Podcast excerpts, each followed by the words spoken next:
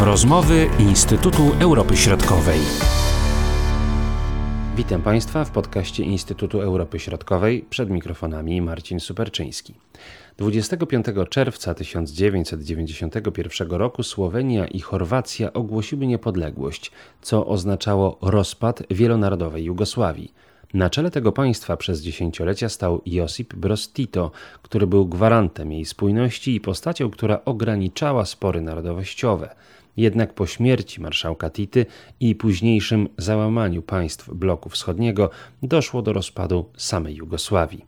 Przez region przetoczyły się krwawe wojny, których skutki są obserwowane do dzisiaj, a sam proces kształtowania granic nowych państw ostatecznie się nie zakończył. O przyczynach rozpadu Jugosławii i pamięci o tym państwie w regionie opowiadają analitycy Zespołu Bałkańskiego Instytutu Europy Środkowej, doktor habilitowana Agata Domachowska, doktor Jan Muś i doktor habilitowany Konrad Pawłowski. Tych przyczyn było wiele. Konglomerat czy zespół przyczyn, które doprowadziły do rozpadu, no to jest złożone zagadnienie. Te przyczyny moglibyśmy podzielić na przyczyny wewnętrzne dotyczące samej Jugosławii i też kwestie zewnętrzne dotyczące ewolucji e, systemu międzynarodowego po zakończeniu zimnej wojny. Jeśli chodzi o przyczyny e, wewnętrzne, na pewno miały one charakter polityczny, także ideowy czy ideologiczny związane z samą ideą Federacji Komunistycznej. Wynikały także z relacji międzyetnicznych między narodami e, Jugosławii, bo one też tutaj odegrały rolę w tym procesie e, rozpadu wizji wspólnego państwa, wielonarodowej federacji. E, przyczyny kulturowe, które były konsekwencją tych różnic etnicznych, jednak Jugosławia była bardzo kolorowym, fascynującym państwem, ale ta e, wieloetniczność, wielokulturowość e, w istocie była pewną sumą elementów, które nie zawsze ze sobą współgrały. A dla niektórych najważniejsze przyczyny ekonomiczne, bo pamiętajmy, że Jugosławia była państwem federacyjnym, gdzie nie, nie wszystkie e, części składowe tego, tego państwa w ten sam sposób uczestniczyły w produkcji produktu krajowego brutto i też w konsumpcji niekoniecznie w ten sam sposób. Jugosławia pod koniec lat 80. była w grupie 17 naj, najbardziej zadłużonych państw świata, była tym 17 państwem według wyliczeń ekonomistów i po prostu kryzys wewnętrzny, kryzys ekonomiczny stawiał pytania, dlaczego niektóre bogate republiki jak Słowenia czy Chorwacja mają się dokładać po prostu do wspólnego projektu, który jak się okazało w latach 80., w drugiej połowie, coraz mniej narodów, coraz mniej tych elit politycznych chciało ten wspólny projekt postrzegać jako własny i wspólny. I tutaj wracamy do punktu wyjścia, do kwestii politycznej, e, do, do końca pewnej idei komunistycznej federacji, która pod koniec lat 80. po prostu w sposób naturalny, tak jak w całym bloku wschodnim, ta idea po prostu traci swoją atrakcyjność i pytanie jest, y, co będzie, do jakiej nowej idei te narody y, Jugosławii mogą się odwołać. Y, no, historia pokazała, że odwołały się do tej poprzedniej idei, do starej idei. Mówimy w latach 80. o odradzaniu się nacjonalizmów jugosławiańskich, taki swoisty powrót do, do przeszłości, który po prostu y, doprowadził do, do tragicznego finału w postaci rozpadu Jugosławii. Czy były jakieś próby zahamowania tego procesu? Ale już nie mówię o próbach zbrojnych, siłowych, ale na poziomie politycznym. Czy praktycznie nie było szans na to, żeby przekonać te poszczególne republiki do tego, że Jugosławia jest jednak pewną wartością, którą warto zachować. Agata Domachowska. Na początku, jeszcze przed rozpadem państwa jugosłowiańskiego, przed wybuchem wojny, trwały takie e, rozmowy w sprawie określenia na nowo kształtu Federacji e, Jugosłowiańskiej, a dokładnie w jaki sposób ona powinna funkcjonować. Wiemy, przecież odbywały się e, spotkania przede wszystkim e, liderów chorwackich i słoweńskich. Tutaj spotykali się ze sobą prezydent Chorwacji Franjo Tudżman z Milanem Kuczanem. Trwały przecież rozmowy także E, wówczas z stroną serbską, ale ostatecznie, jak dobrze wiemy, w czerwcu 1991 e, roku doszło do ogłoszenia niepodległości przez e, Słowenię i Chorwację, co także zostało wsparte szybko przez państwa zachodnie. Tutaj szybko poparcie dla niepodległości e, Słowenii, Chorwacji e, wyraziły zarówno Niemcy, jak i Austria. A dlaczego tak szybko to poparcie zostało tutaj uzyskane? Z czego to wynikało? Mówi się często, że to była taka krótkowzroczna i nieodpowiedzialna decyzja tych y, mocarstw zachodnich, czy Niemiec przede wszystkim. A z drugiej strony, no, ciężko Niemców posądzić ich politykę i politykę zagraniczną, dyplomację o krótkowzroczność i jakieś takie emocjonalne zachowanie na scenie międzynarodowej. Ciężko wytłumaczyć to, to, to uznanie Niemiec. Szczególnie, że Wracając do poprzedniego tematu, do tematu, który, który tutaj, o którym wspomniał Konrad wcześniej, kiedy mowa o tym całym zadłużeniu e, Jugosławii, to rzeczywiście jest prawda. I to postępujące zadłużenie,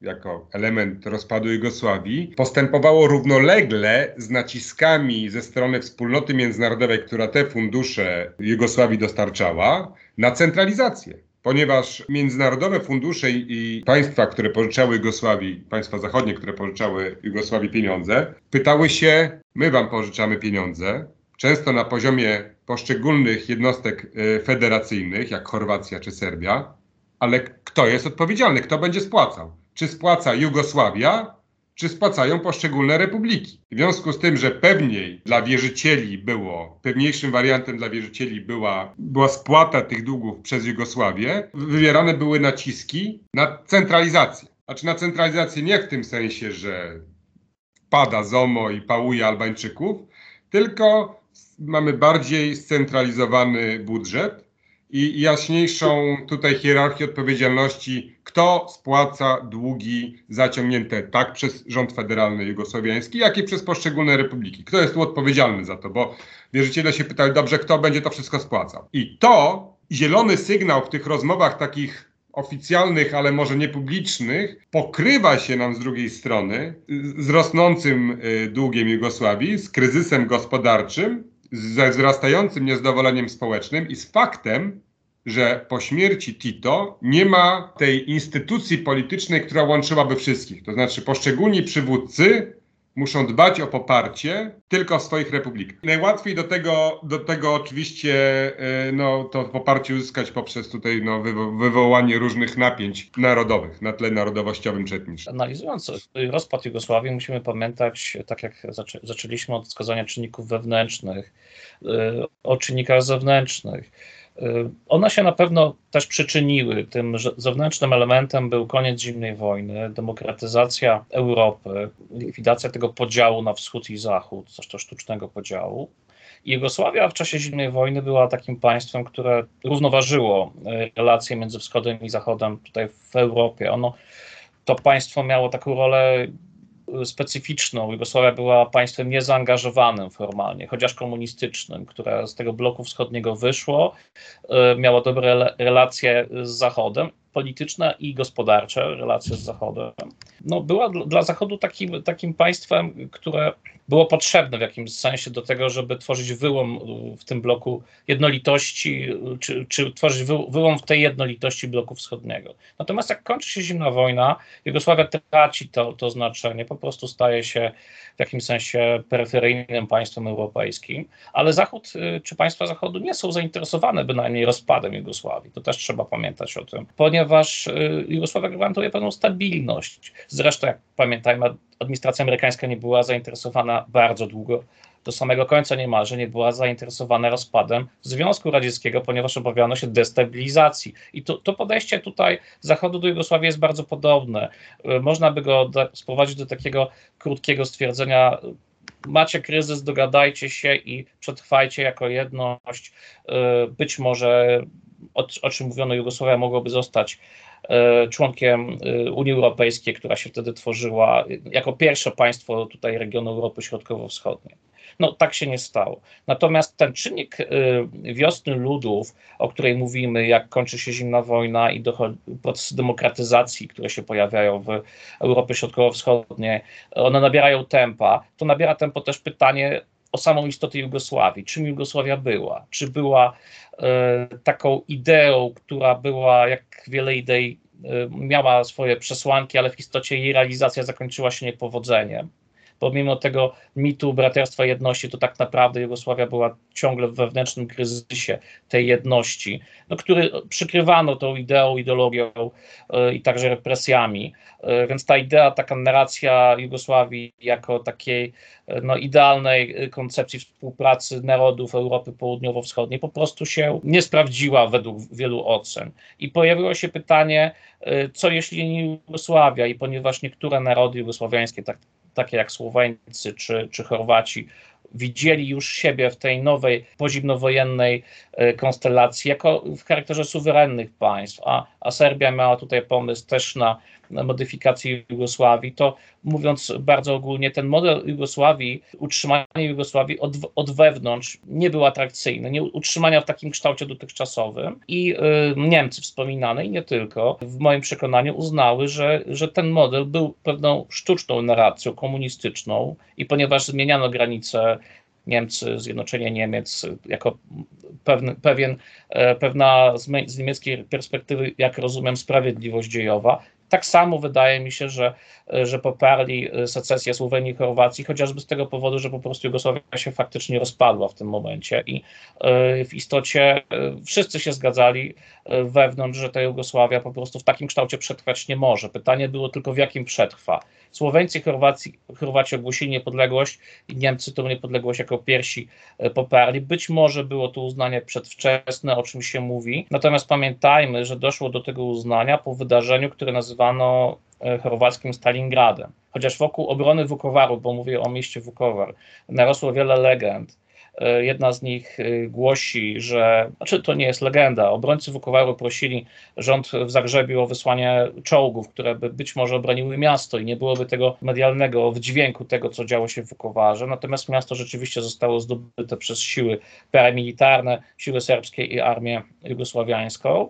Doszło tam do masakry. Wukowar był takim symbolem, że oto Jugosławia się rozpadła, że jeżeli już strzelają do siebie, jeżeli dochodzi do takiej dramatycznych wydarzeń, no to przetrwanie tego państwa w dotychczasowym kształcie jest niemożliwe po prostu. I na tym tyle można byłoby powiedzieć, że Niemcy uznały rzeczywistość istniejącą na, na, tym, na tym obszarze i po prostu uznały niepodległość. Natomiast czy uznały przedwcześnie, czy to uznanie doprowadziło do dalszych procesów, bo to też jest jedna, prawda, tutaj z, z, myśli, które się rozwija w literaturze, że uznanie niepodległości zbyt wcześnie doprowadziło do, do wojny w Bośni faktycznie i do dalszych procesów dezintegracyjnych. To ja myślę, że odpowiedź na to pytanie jest bardzo złożona.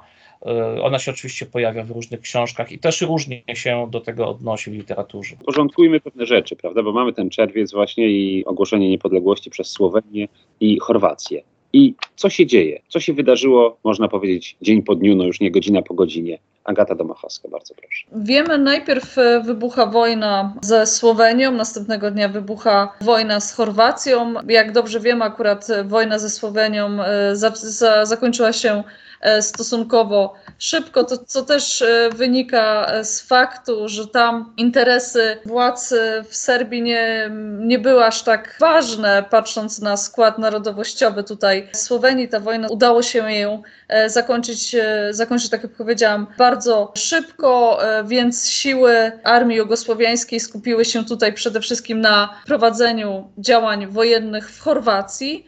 E, następnie przyszedł czas na, na rozpoczęcie e, wojny w samej Bośni e, i Hercegowinie po tym, kiedy w Bośni i Hercegowinie najpierw zorganizowano referendum. Bośnia opowiedziała się oczywiście z, zbojkotowane przez ludność serbską, opowiedziała się za niepodległością, więc wtedy dochodzi do początku wojny w samej Bośni. Ja tutaj bym chciała jeszcze z, zwrócić uwagę i przypomnieć, E, że jeszcze w międzyczasie także Macedonia zdecydowała się na ogłoszenie e, niepodległości. Tam też dobrze wiemy, nie doszło do działań wojennych. Tak jak mówiliśmy, ta wojna zaczęła się e, w Słowenii, potem w Chorwacji, zajęła następnie Bośnię i Hercegowinę, ale przypomnijmy sobie, że jeszcze przed rozpadem Jugosławii do znaczących napięć dochodziło w samym Kosowie.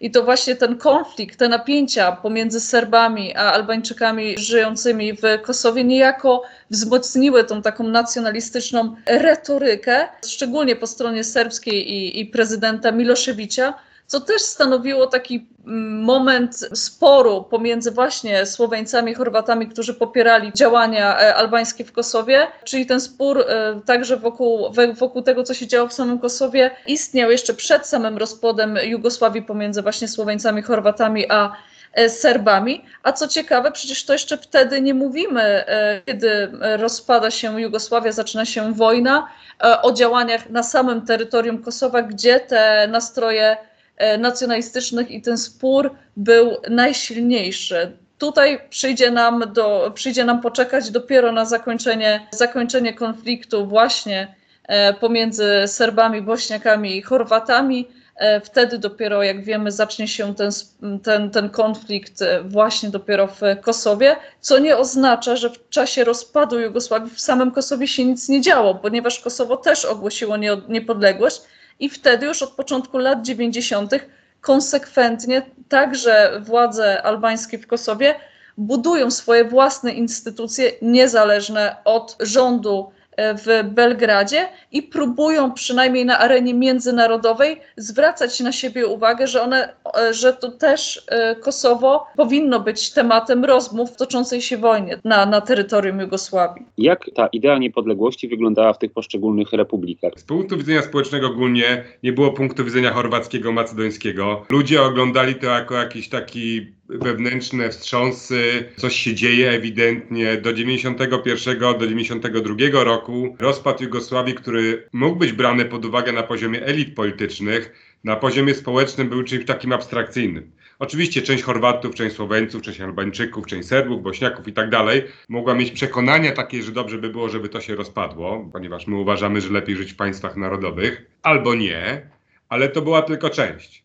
jak się zapytamy y, ludzi, czy jak ja rozmawiałem z osobami z byłej Jugosławii, z inteligentnymi osobami z byłej Jugosławii, z profesorami, ale także ze zwykłymi tutaj, że tak powiem, mieszczanami, to rozpad Jugosławii, wojna w Jugosławii była czymś zupełnie abstrakcyjnym. Znaczy kolega z Zenicy, która jest 70 kilometrów na północny zachód od Sarajewa, po pół roku trwania wojny w Bośni, on mi opowiadał, że oglądał telewizję i sceny z Sarajewa, jakby oglądał jakiś film. On nie wiedział, co się dzieje. Znaczy wiedział, że tam strzelają, ale nie wiedział za bardzo, kto tu do kogo tak naprawdę strzela, więc e, ta cała narracja na temat e, zrywu narodowo-wyzwoleńczego uciemiężonych przez komunizmów Chorwatów, Słoweńców, Bośniaków, e, Macedończyków i tak dalej, i tak dalej, no moim zdaniem jest narracją mitologiczną troszkę, no, to, czy mitotwórczą. Konrad Pawłowski, bardzo proszę. To jest bardzo dobre pytanie, o co, o co w ogóle chodziło w tym rozpadzie, ale komu? No elitom politycznym, które się pojawiają w tej Jugosławii pod koniec lat 80. Pamiętajmy, że to są już nowe elity, y, to, ta, to te pokolenia, które razem z Tito walczyły y, w czasie II wojny światowej, idą na polityczną emeryturę. Ta, ta idea braterstwa jedności jest bardziej deklarowana niż, niż rzeczywista w sensie takim no, y, prawda, ideowym, więc to są raczej technokraci, komuniści technokraci i oni w celu mm, także rozwoju własnej kariery politycznej, po prostu przekształcają się w, y, faktycznie w nacjonalistów. Głoszą te idee nacjonalistyczne, które pamiętajmy, że Jugosławia nie jest państwem demokratycznym. I te idee, które potem są transmitowane przez media w poszczególnych republikach, one podsycają tą myśl nacjonalistyczną, y, wskazując, że nasza mniejszość w tamtej republice jest gnębiona i ta, ta narracja, jak to, jak to inne narody Jugosławii gnębią y, nasz naród, one się, się po prostu w tych mediach no, przebijają do, do, do społeczeństw jugosłowiańskich. Natomiast Natomiast y, o co chodziło y, tym, tym politykom, którzy budowali na, tym, na tej idei alternatywnej w stosunku do Jugosławii, y, o co im chodziło, to oczywiście pewnie o różne rzeczy. Jeśli chodzi o Słowenię, Słowenia chciała niepodległości. Słoweńcy byli historycznie narodem centralno-środkowoeuropejskim, byli historycznie związane z Austrią. Powiedziałbym trochę, żartując, że przez przypadek zostali wciągnięci do, do Jugosławii, do południowo-bałkańskich narodów i ta łączność Słowenii z, z pozostałą częścią była polityczna, a, a mniej taka powiedzmy kulturowo-emocjonalna. Więc Słowenia chciała niepodległości, Milan Kuczon chciał po prostu pre, ówczesny prezydent Słowenii chciał po prostu niepodległości, co pasowało prezydentowi Serbii Slobodanowi Miloszewiciowi, ponieważ on akurat chciał, chciał deklarując oficjalnie wolę przetrwania Jugosławii, chciał w istocie na, na gruzach Jugosławii zbudować coś innego, e, co krytycy Miloszewicza definiowali jako Serbosławia, czyli e, Serbosławia, czyli takie połączenie e, terytoriów zajmowanych przez Serbów w ramach byłej Jugosławii i stworzenie takiego no, wielkiego państwa w regionie imperium regionalnego w jakimś sensie które byłoby realizacją marzeń Serbów o połączeniu. Bo pamiętajmy, że Serbowie, godząc się na Jugosławię, e, w 18 roku faktycznie zrezygnowali z idei własnego państwa narodowego. I takie myślenie, że Jugosławia nie sprawdziła się, a wręcz odwrotnie, zagraża naszym interesom, był naturalnym sposobem powrotu do pytania: OK, e, jeśli inni chcą odejść z Jugosławii, którą myśmy razem tworzyli, to, to my im nie pozwolimy zabrać naszych, naszych y, y, tak, braci Serbów y, razem ze sobą. O co chodziło? O terytoria. Miloszewicz nie był zainteresowany Słowenią, bo w Słowenii nie było mniejszości serbskiej, ale absolutnie był zainteresowany Chorwacją, częścią Chorwacji, Slawonią i Krainą, czyli terytorium około 1 trzeciej, 1 trzeciej Chorwacji, zamieszkanym przez, przez ludność serbską. Y, przy czym zamieszkanym przez, przez setki lat przez ludność serbską. I to, to jest dramat y, w ogóle tych, tych, tych wojen, y, że, że to rzeczywiście ta, te procesy, które w czasie Imperium Otomańskiego zachodziły, spowodowały wymieszanie się tych różnych grup etnicznych i, i rozdział groził niestety tragiczną wojną, czy próby podziału, wykreślenia nowych map na tym rejonie, w tym rejonie. Chorwaci też chcieli niepodległości. Franjo Tudżman, prezydent Chorwacji, który w moim przekonaniu w przeciwieństwie do Slobodana Miloszewicza był, Tudżman był wierzącym nacjonalistą, tak bym powiedział. Rzeczywiście odwoływał się do tych koncepcji nacjonalistycznych.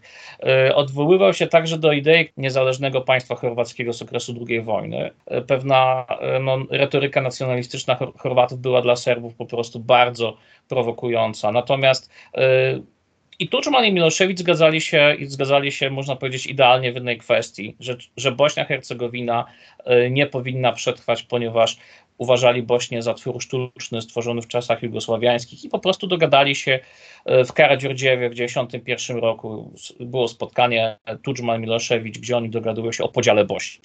Więc Bośnia w wizji prezydentów Chorwacji i Serbii e, po prostu miała zostać podzielona według jakichś kryteriów etnicznych. E, oni się pewnie nie dogadali dokładnie jak, dlatego też były walki. W pewnym momencie wszyscy walczyli i Chorwaci, i Serbowie, i muzułmanie, czyli bośniacy walczyli ze sobą, więc Bośnia była bardzo tragicznym przykładem tego, jak jak po prostu to może się skończyć, ta kwestia prób, próba wydzielenia granic etnicznych na obszarze wielokulturowej, wielonarodowej Jugosławii. Y, Albańczycy nigdy nie chcieli być częścią Jugosławii. Dla nich Jugosławia była czymś absolutnie narzuconym. Jeśli możemy powiedzieć o, o tych innych narodach słowiańskich, że one mniej lub bardziej czy w którymś okresie historycznym chciały być częścią Jugosławii, czy ją tworzyły y, z własnej woli, to Albańczycy na pewno nie. Albańczycy po prostu zawsze postrzegali Jugosławię jako twór narzucony i faktycznie okup okupantów, tak bym powiedział. Tutaj mówię o Kosowie oczywiście. I Albańczycy od początku po prostu y, protestowali, były kolejne protesty. Niektórzy twierdzą, że rozpad rozpoczął się właśnie w Kosowie, bo to w Kosowie tak bardzo kwestionowano pewne podstawowe założenia tej federacyjnej Jugosławii. E, natomiast jak Jugosławia się rozpadła, to Macedonia, Macedończycy po prostu e, w zasadzie nie mieli wyjścia i też ogłosili swoją niepodległość. E, ogłoszenie niepodległości przez Bośnię też moglibyśmy uznać za pewną konsekwencję rozpadu na północy, czyli Słowenia, Chorwacja i cóż, i Macedonia, Bośnia muszą zdecydować, co dalej. W jakimś sensie to była konsekwencja tych procesów, które zachodziły już w innych innych częściach Jugosławii. I tak to w wielkim, wielkim skrócie można byłoby przedstawić, o co chodziło poszczególnym y, stronom konfliktu. Jan Łódź, bardzo proszę, y, chciałeś dodać. Trochę inną perspektywę mam. Ja uważam, y, tu nie zgadzając się z Konradem, że ta Serbosławia, tam Wielka Serbia, czy prawda, jak to ująć, że to nie był taki wyjątek, ale to tak naprawdę nie chodziło o Serbiosławię, czy Chorwatosławię, czy, czy jakikolwiek inny twór. Proszę zwrócić uwagę, z jakimi rodzaju politykami mamy do czynienia. To nie są politycy ideowi, to są politycy aparatczycy, którzy, którzy y, równie y, łatwo dzisiaj mogliby przyjąć tutaj maskę, prawda, liberałów, ekologów, jak i nacjonalistów czy komunistów. Dla nich to nie miało znaczenia tak naprawdę. Dla nich miało znaczenie mobilizacja i przejęcie władzy. Jak największe, czy możliwie naj, naj, y, najdalej idące poszerzenie swoich wpływów. Także Tutaj wszyscy się odwoływali do kwestii narodowościowych jako tych, które są najłatwiejsze do zaakceptowania przez stosunkowo dużą część y, społeczeństwa. Ale Serbowie tu nie byli wyjątkiem, gdyby, y, gdybyśmy się przyjrzeli bliżej y, tutaj tej narracji bośniackiej z tamtego okresu, Alija Izetbegowicz i tak dalej, to poza Bośnią i Hercegowiną, tutaj w ten, tą narrację taką państwową, narodową są włączeni też bośniacy muzułmanie y, Sandżaku, którzy zamieszkują Serbię i Czarnogórę. Z drugiej strony plan podziału Bośni w Karadżordżewie, który tutaj został uzgodniony między przywódcami chorwackimi i serbskimi, ewidentnie też pokazywał, że Chorwaci to nie, nie, nie chcieli się zatrzymać we własnych granicach, tylko parli tak daleko, jak mogli. Także nie mamy do czynienia z odwiecznym konfliktem tutaj e, Serbów, Chorwatów, Bośniaków, Słoweńców, Macedończyków i Albańczyków, którzy tylko czekają na to, żeby e, demokratycznie wprowadzone te instytucje pozwoliły nam na pozwoliły im na, na, na, na konflikt otwarty, tylko mamy do czynienia ze skorumpowanymi i nieodpowiedzialnymi elitami politycznymi, których krótkowzroczność i niemożność przewidzenia tego, w jaki sposób rozpad Jugosławii w ten sposób przeprowadzony się zakończy, doprowadził do krwawego konfliktu, bo tak to koniec końców też, też było. Także częściowo się nie zgadzam z Konradem, ale częściowo po prostu mam zupełnie inną perspektywę na to, co się, co się tutaj wydarzyło wtedy. Bardzo proszę, Agata Domachowska. Ja tutaj też nawet kontynuując myśl pana doktora Musia, że o tej krótkowzroczności e, samych polityków, no to jest idealny przykład chociażby Czarnogóry, bo tutaj Czarnogóra też jest przykładem republiki, która nie chciała tak tego rozpadu. Tam odbyło się także referendum co do e, włączenia się w tą nową, już trzecią Jugosławię, Federalną Republikę Jugosławii, która przecież powstaje w 1992 roku na, na gruzach tej poprzedniej Jugosławii, to w Czarnogórze odbyło się referendum i zdecydowana większość, ponad 90% osób, które wzięło udział w referendum, opowiedziało się za e, włączeniem, za stworzeniem z Serbią państwa właśnie Federalnej Republiki Jugosławii ale co ciekawe, jak popatrzymy już na samą frekwencję, to tam wzięło udział w, w tym referendum około 60 chyba 6% obywateli, przy czym wiadomo, bo to też pokazują statystyki, że zbojkotowało to referendum, e, zbojkotowali to referendum przede wszystkim Albańczycy i muzułmanie żyjący w Czarnogórze. To też co nie ma się dziwić, tak jak wspominałem wcześniej,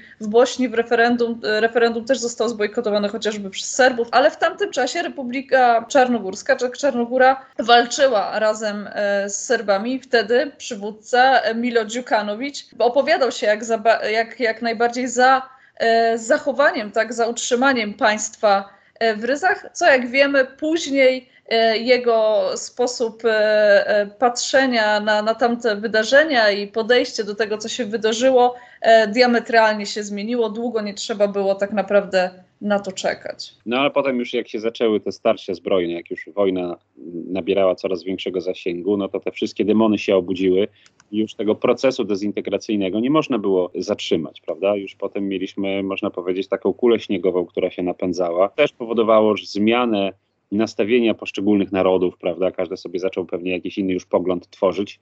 No i to poparcie dla niepodległości pewnie już było zdecydowanie większe niż pewnie na początku. Tak, i to powiedzieliśmy o tej roli mediów, o tych roli nieodpowiedzialnych elit politycznych. Pamiętajmy, że to były elity postkomunistyczne, to były elity, które pomieszały nacjonalistyczną e, ideologię z komunistyczną metodologią. Efektem był konflikt narastający i po prostu wojna, która była tragedią wszystkich narodów Jugosławii. To trzeba bardzo wyraźnie podkreślić. Ponad 100 tysięcy, być może 140 tysięcy ludzi zginęło wojnach, które były tragediami y, nie, nie, tylko narodów, ale też rodzin rozdzielonych, dramatami osobistymi osób, które nagle musiały strzelać do swoich sąsiadów, o czym tutaj y, doktor Muś wskazywał, że, że te, te, ta świadomość, że nagle ktoś, z kim mieszkam 40 lat y, po sąsiedzku jest moim wrogiem i muszę do niego strzelać, myślę, że ona nie docierała do, do ludzi na początku. Potem to rzeczywiście się zmieniło. Zresztą podobne historie słyszeliśmy na początku wojny na Ukrainie, gdzie,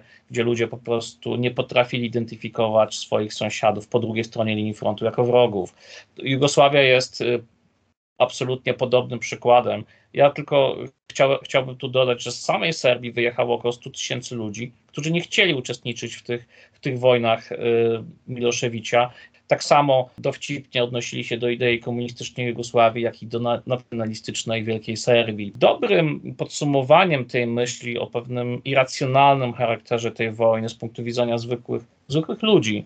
Jest y, film y, Ziemia Niczyja, gdzie spotykają się w, w okopie w Bośni Serb i y, dwójka Bośniaków, którzy próbują rozwikłać jakże skomplikowaną dyskusję historyczną, polityczną, z udziałem zresztą przedstawicieli społeczności międzynarodowej, którzy są na miejscu, ale wydaje się, że niewiele robią. Film jest, powiedziałbym, czarną, czarną komedią, w istocie jest dramatem tak naprawdę, pokazującym dramat i narodów i brak y, skutecznych działań z zewnątrz, ze strony społeczności międzynarodowej. Ziemia Niczyja y, jest, jest filmem, w którym y, wydaje mi się, że to jest bardzo dobrze pokazany ten dramat tych narodów jugosławiańskich. Ta wojna w jakimś sensie była historyczną pomyłką czy dramatem i pewnie Jugosławia mogła się rozpaść w inny sposób. Moja opinia oczywiście, że Jugosławia by się rozpadła, to wydaje mi się, wydaje mi się, y, przynajmniej w tamtym momencie, wydaje mi się oczywiste, że ona by się rozpadła. Pytanie brzmi tylko, w jaki sposób by się rozpadła? Czy mogła się rozpaść tak jak Czechosłowacja w sposób pokojowy? Czy musiała rozpaść się w tak krwawy sposób? Czy musiało dojść do tych wojen na obszarze byłej Jugosławii? Wydaje mi się, że można było tego uniknąć. I tutaj, o czym mówiliśmy, pytanie, czy elity ówczesne polityczne zdały egzamin, y, to jest pytanie dla historyków na dzień dzisiejszy. Natomiast dziedzictwo historyczne tego rozpadu, te, tych dramatów, ono do dzisiaj y, jest y, obecne w regionie. Pamiętajmy, że to jest tak naprawdę krótki okres czasu, gdzie tą wojnę pamiętają. I, I, czasem mam wrażenie, że analizując na przykład procesy rozszerzenia Unii Europejskiej, dogmatycznie podchodząc do wielu kwestii y, politycznych, y, standardów, y, poziomów regulacji i tak dalej, to, to jest charakterystyczne dla biurokracji europejskiej. Zapominamy czasem, że ten obszar, w przeciwieństwie do Europy środkowo, środkowo-wschodniej, tutaj on przeszedł przez dramat wojen, gdzie, który, który naprawdę wywarł wpływ na, na to, co się do dzisiejszego dnia myśli, czuje, pisze na temat, na temat relacji. E, jest to czynnik, o którym czasem zapominamy, warto go przypomnieć, bo Bałkany w dalszym ciągu jednak w cieniu tych wojen funkcjonują. Wiele spraw, e, które były przyczyną wojen, kwestia granic, które doprowadziły do wojen, wiele tych spraw dalej tam, tam tkwi i to, że rozmawialiśmy niedawno o non-paperach, y, które miałyby y, zmieniać granice na Bałkanach, to w zasadzie jest przykład tego, że ten rozpad Jugosławii y, w dalszym ciągu, czy ta dezintegracja na obszarze Jugosławii, generalnie to, to nie jest już tylko historia, bo to jest też pytanie, jak to dalej ustabilizować ten obszar, żeby dokończyć to, ten proces rozpadu, bo wydaje mi się, że, że tutaj te, te rzeczy jeszcze dalej jednak w regionie są nie do końca uregulowane. Tak chyba na koniec jeszcze pytanie o dziedzictwo e, jugosłowiańskie. Jak ono jest postrzegane w dzisiejszych państwach narodowych regionu? Jak sądzicie? Agata, może ty na początku. Tak naprawdę to dziedzictwo jest postrzegane różnie. To zależy gdzie i zależy przez kogo. Tak naprawdę różne postawy do tego dziedzictwa jugosłowiańskiego znajdziemy we wszystkich e, państwach postjugosłowiańskich. Pewnie ten e, sentyment jugosłowiański w najmniejszym stopniu, aczkolwiek istnieje, tak? Szczególnie chociażby wśród emigracji, znajdziemy w, moim zdaniem w Chorwacji obecnie Choć tak jak mówię, e, wśród emigrantów chorwackich, e, tutaj już było wspomniane chociażby mm, nazwisko e, pisarki Dubrawki Ugresić znajdziemy, tak? To, to, są, to jest jedna z tych osób, które przypominają cały czas o, o Jugosławii i identyfikują się z tym państwem, którego już teraz nie ma. Ten sentyment znajdziemy wszędzie. Ciekawe jest to, że to zainteresowanie Jugosławią ożywiło się w ostatnich latach wśród e, młodych osób e, w Słowenii. To jest ciekawe zjawisko wśród pokolenia, które już urodziło się po rozpadzie Jugosławii. To jest bardziej zainteresowanie państwem, które już nie istnieje, z przywódcą, który cały czas jest pamiętany jako przywódcy tego silnego, który był w stanie w ryzach utrzymać tak wielonarodowe, tak wielokulturowe państwo. E, to, to jest ciekawe, to, to, to, to zainteresowanie Titem i to, to taka Tito-nostalgia bardziej niż Jugo-nostalgia w samej Słowenii, ale przecież nie tak dawno temu, bo zaledwie trzy, nie, niecałe trzy lata temu e, w samej e, Podgoricy ponownie odsłonięto nowy pomnik marszałka Tity, więc tutaj to, to nawiązanie do Jugosławii także znajdziemy. No i pewnie ten sentyment jugosłowiański w najmniejszym stopniu jest widoczny wśród e, albańskiej tak, społeczności e, Kosowa z, no, z wiadomych przyczyn. Tak? Tutaj ta pamięć, ważniejsza jest ta pamięć związana z walką o niepodległość państwa, tak, niż te czasy jugosłowiańskie. Jeżeli mówimy o tych czasach jugosłowiańskich, to też ważniejsze są te, te protesty i te działania antypaństwowe e, organizowane przez Albańczyków w czasie Jugosławii, przecież do, do takich dochodziło, niż ten sentyment. Jan Muś, bardzo proszę. Tyle emocji budzi Jugosławia, że tak naprawdę no, za 100 lat będziemy mogli tak naprawdę na spokojnie tutaj oceniać tą i patrzeć, co rzeczywiście jest jego nostalgią, a co nie jest jego nostalgią. Czy, czy o dziedzictwie Jugosławii mówić, no trwała 50-60 lat ta Jugosławia. Dosyć efektywnie zindustrializowała, czy uprzemysłowiła społeczeństwo, które było w dużej mierze biedne i wiejskie. Mieliśmy tutaj, nie zatarła różnic narodowościowych i etnicznych, to na pewno na minus można użyć,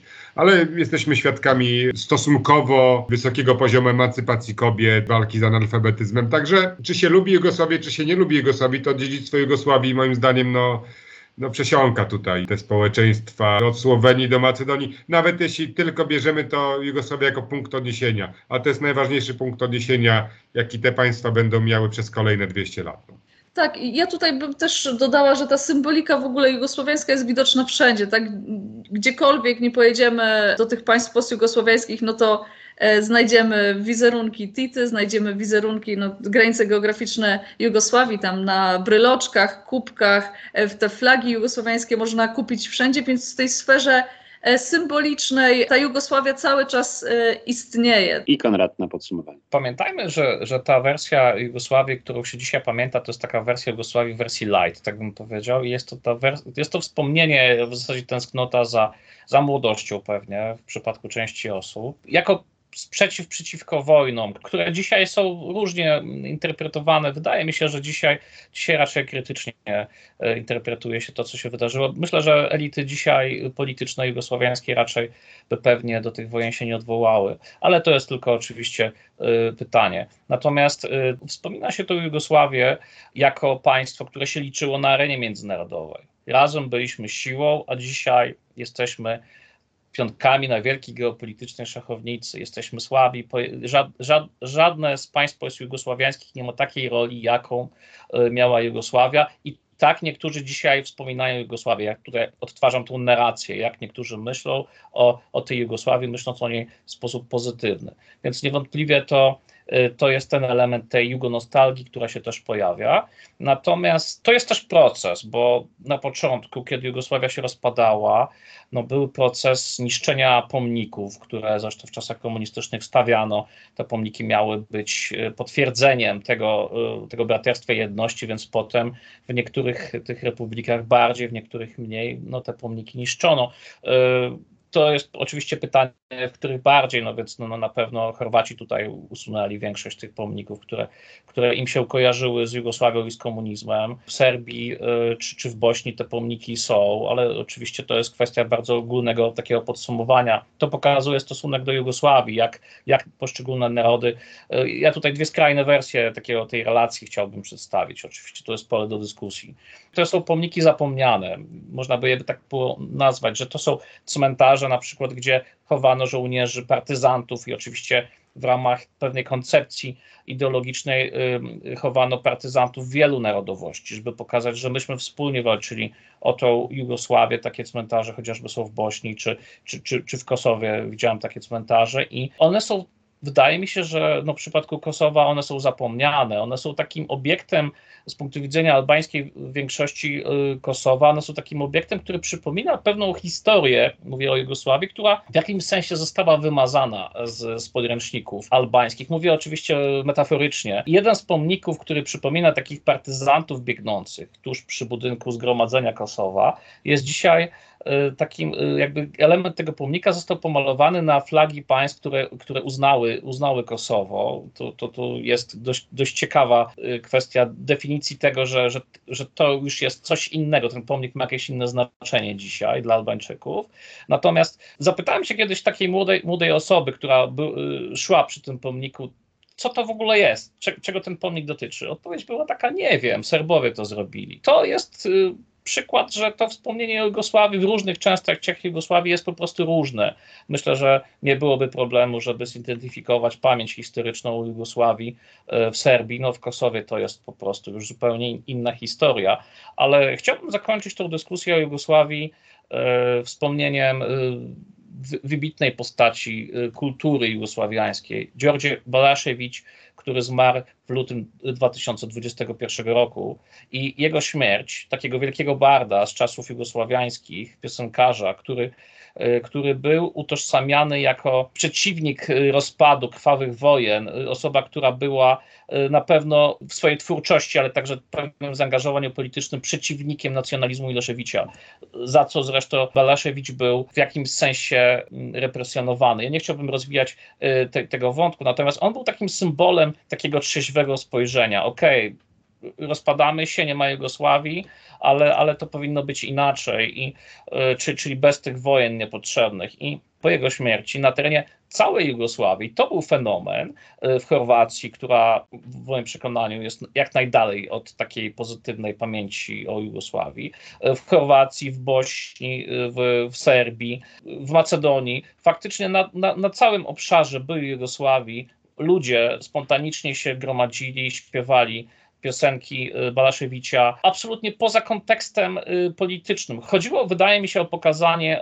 y, tego, że kiedyś byliśmy razem, że mimo wszystko, chociaż wiele nas już dzieli i żyjemy w innych państwach, to coś nas jeszcze łączy. Łączy nas jakaś, powiedzmy, historia, przyjaźń, może kultura, a może to po prostu sam fenomen Georgia Balaszewicza był tak wielki, że mimo tych różnic, różnych koncepcji politycznych, on po prostu łączył ten naród Jugosławii swoją twórczością.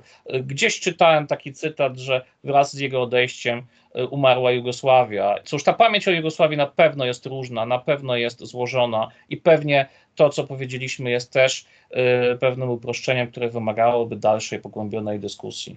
Mówili Konrad Pawłowski, Agata Domachowska i Jan Muś. Marcin Superczyński, dziękujemy za uwagę. Do usłyszenia. Były to rozmowy Instytutu Europy Środkowej.